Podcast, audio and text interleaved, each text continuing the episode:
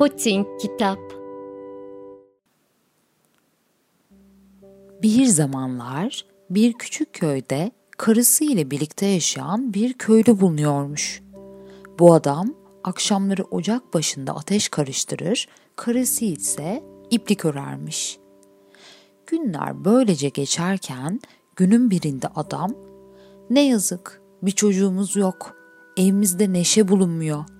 Diğer evlerse çocuk sesleriyle cıvıl cıvıl demiş.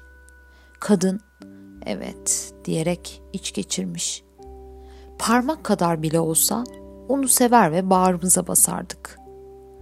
Derken günler günleri kovalamış ve kadın günün birinde küçücük bir çocuk doğurmuş. Gerçekten de bu çocuk bir baş parmak kadar küçücükmüş. Annesi ve babası dilediğimiz gerçek oldu. Biz bu küçük çocuğumuzu çok seveceğiz demişler ve bu küçük çocuğa baş parmak adını vermişler. Ancak günler geçse de bu çocuk asla büyümemiş ve hep bir baş parmak kadar kalmış.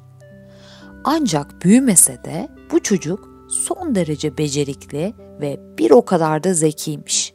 Her şeyi de başarırmış. Günlerden bir gün bir köylü ormana giderek odun kesmeye karar vermiş. Keşke ben ormandayken arabayı getirecek birisi olsaydı diye söyleniyormuş. Bunu duyan baş parmak, baba ben sana istediğin arabayı getirebilirim demiş. Adam ise gülümseyerek evladım sen bunu nasıl yapacaksın ki? Küçücüksün, atı süremezsin demiş. Baba merak etme, annem arabayı koysun, ben atın kulağında oturarak ona ne yapması gerektiğini anlatacağım diyerek cevap vermiş başparmak. Ormana gitmesi gerektiğinde annesi atı arabaya koşmuş ve biricik oğlu baş parmağı da atın kulağına yerleştirmiş. Baş parmak atın kulağına deh diyerek ona yapması gerekenleri bir bir söylemiş. At ve araba doğru yoldan ormana gelmiş. Ancak tam ormanın girişinde iki yabancı gören baş parmak bır diyerek ata seslenmiş. Şaşkınlıkla durumu izleyen adamlardan bir tanesi bu da ne demek? Yolda tek başına ilerleyen bir araba ve kimden geldiği görünmeyen bir ses demiş. Diğeri ise burası hiç tekin değil. Bence arabayı izleyelim. Bakalım nereye gidiyor demiş. Derken araba ormanın içinde odunların yığılı olduğu yerde durmuş. Babasını gören baş parmak ona seslenmiş. Baba gördün mü? İşte arabayı getirdim. Beni artık aşağı indir. Gülümseyerek gelen babası bir eliyle atı tutup diğer eliyle de saman çöpünün üzerinde oturan oğlunu aşağı indirmiş. Arabayı izleyen yabancılar bu durum karşısında şaşkınlıktan ne söyleyeceklerini bilememişler. İçlerinden biri diğerine iyi dinle. Bu ufaklık bizim şansımızı döndürebilir. Bu küçüğü alıp para karşılığında büyük şehirlerde halka izletiriz. Onu satın alalım demiş. Sonra adamın yanına gelerek bu ufaklığı bize para karşılığı sat. Çünkü bizimle çok rahat eder demişler. Olamaz, asla diyerek cevap vermiş adam. O benim her şeyim. Dünyalar kadar altın verseniz de satmam. Bu konuşmaları duyan baş parmak ise babasının kulağına beni onlara ver baba. Nasıl olsa ben geriye dönerim şeklinde fısıldamış. Oğlunu dinleyen adam iyi miktara baş parmağı yabancılara satmış. Yabancılar çocuğa nerede oturmayı istersin diyerek sormuşlar. Baş parmak ise beni şapkanızın kenarında oturtun. Hem oradan bazen aşağı iner çevreyi izlerim hem de düşmem demiş. Yabancılar çocuğun dediğini yapmışlar. Babasıyla vedalaşan baş parmak yabancılarla birlikte yola koyulmuş. Akşama kadar yol gitmişler. Derken beni yere indirmeniz gerek. Çişim geldi diye seslenmiş başparmak. Onu şapkasında taşıyan ise otur oturduğun yerde çocuk. İstersen oraya işe. Benim için fark etmez. Bazen kuşlar da başıma ediyor diyerek bağırmış. Olamaz demiş ufaklık. Beni yere indirin. Terbiyesiz biri değilim. Bunun üzerine adam şapkasını çıkarmış ve yol kenarına bırakmış. Baş parmak birden şapkadan sıçrayarak tarlaya girmiş ve gördüğü bir fare yuvasına dalıvermiş. Beyler size iyi akşamlar artık yolunuza ben siz devam edeceksiniz diyerek gülerek adamlara seslenmiş.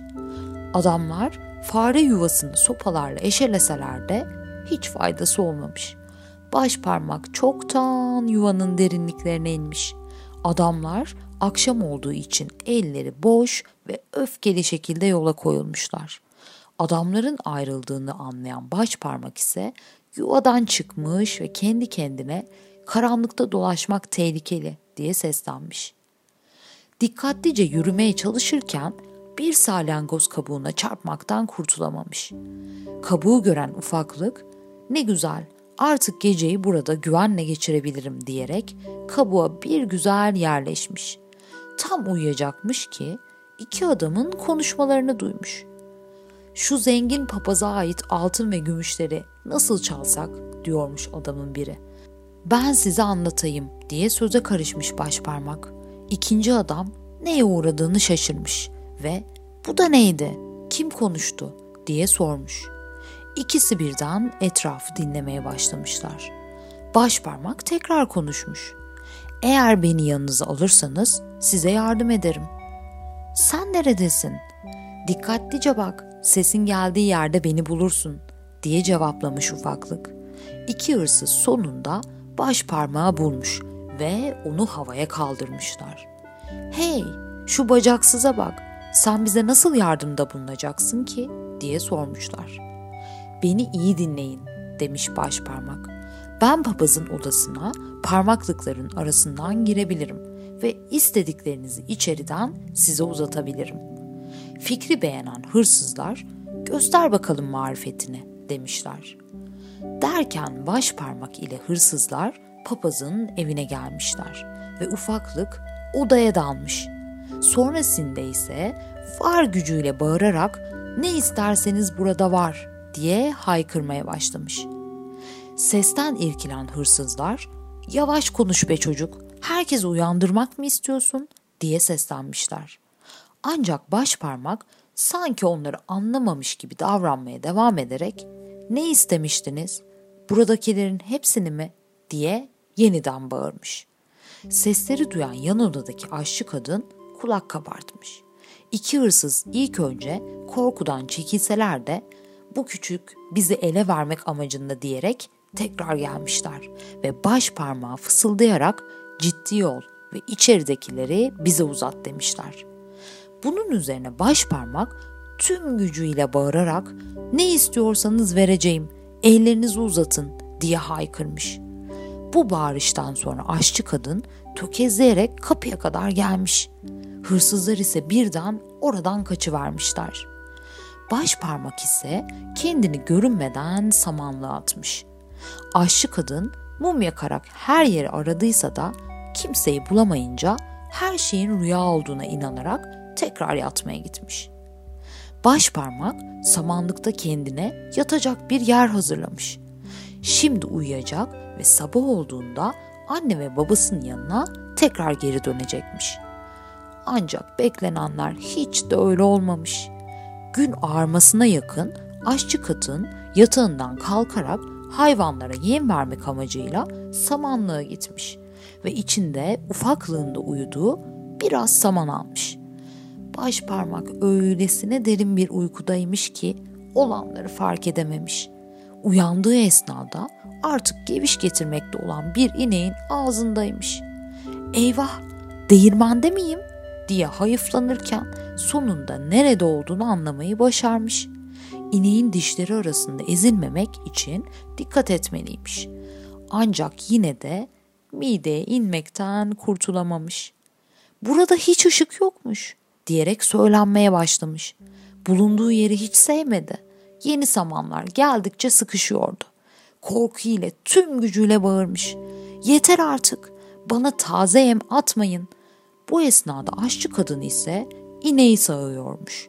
Sesi duyunca ortada kimse olmamasından ve sesin de dün gece duyduğu ses olduğunu anlamasından dolayı o kadar çok korkmuş ki oturduğu yerden kayarak tüm sütü dökmüş.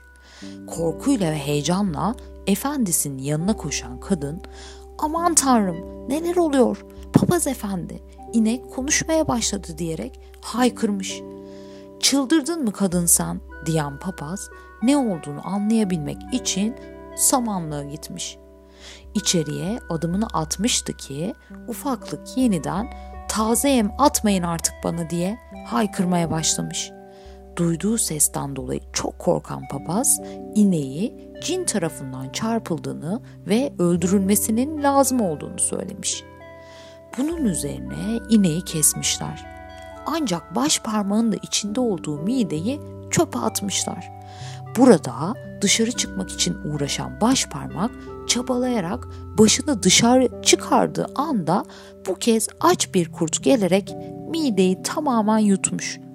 Tüm olanlara karşın cesaretini yitirmeyen baş parmak kurt ile belki anlaşabilirim diye düşünmüş ve midesinden kurda seslenmiş. Kurt kardeş, ağzına layık bir yiyecek yeri biliyorum. Neredeymiş o nefis yiyecek? Filanca çıkmaza girdiğinde birinciyi geç, ikinci ev. O evde butlar, sucuklar, pastalar ne kadar istiyorsan o kadar ye diyerek kendi evinin yolunu tarif etmiş. Kurt yiyecek hayaliyle ne deniliyorsa onu yapmış ve gece vakti çıkmaz sokağa da girerek tarif edilen evi bulmuş. Evin ambarında bulduğunu yemeye başlamış. Karnı iyice doyunca oradan çıkmak istemiş. Ancak karnı öylesine çok şişmiş ki olduğu yerden hareket dahi edememiş. Baş parmağında hesabı buymuş. Kurdun minesinde hoplayarak avazı çıktığı kadar bağırmaya başlamış. Kurt ise sussana be herkes uyandıracaksın demiş. Bana ne diye cevap vermiş ufaklık. Sen az önce her şeyi mideye yolladın. Şimdi eğlenme sırası bende. Yine var gücüyle bağırmaya başlamış. Gürültüyü duyan annesi ve babası ambara koşmuşlar. Ambarın kapı aralığından kurdu görünce eve geri gelerek bir balta ve bir tırpan almışlar. Balta adamın, tırpansa kadının elindeymiş. Tekrar ambara girmeden adam karısına sen benim arkamda dur demiş. Ben baltayla kurda vuracağım. Eğer ölmezse sen de tırpanla vur. Babasının sesini duyan baş parmak bağırarak ben buradayım babacığım kurdun midesinde. Oğlunun sesini duyan baba sevinç içerisinde şükürler olsun Tanrım ufaklığı bulduk diyerek karısına tırpanı bırakmasını işaret etmiş ve baltayla kurdun kafasına vurarak onu öldürmüş. Daha sonra bıçakla midesini keserek baş parmağı kurtarmışlar. Ah evladım o kadar çok merak ettik ki seni demiş sevinçle babası. Baba başıma neler neler gelmedi ki. Bugüne dek nerelerdeydin yavrum? Sorma baba. İlk başta bir fare yuvasına girdim. Sonra ise bir ineğin işkembesine. En sonunda da bir kurdun midesine girdim. Bundan sonra sizden asla ayrılmayacağım. Annesi ve babası da biz de artık seni dünyalar kadar altına bile değişmeyeceğiz diyerek koklayıp öpmüşler.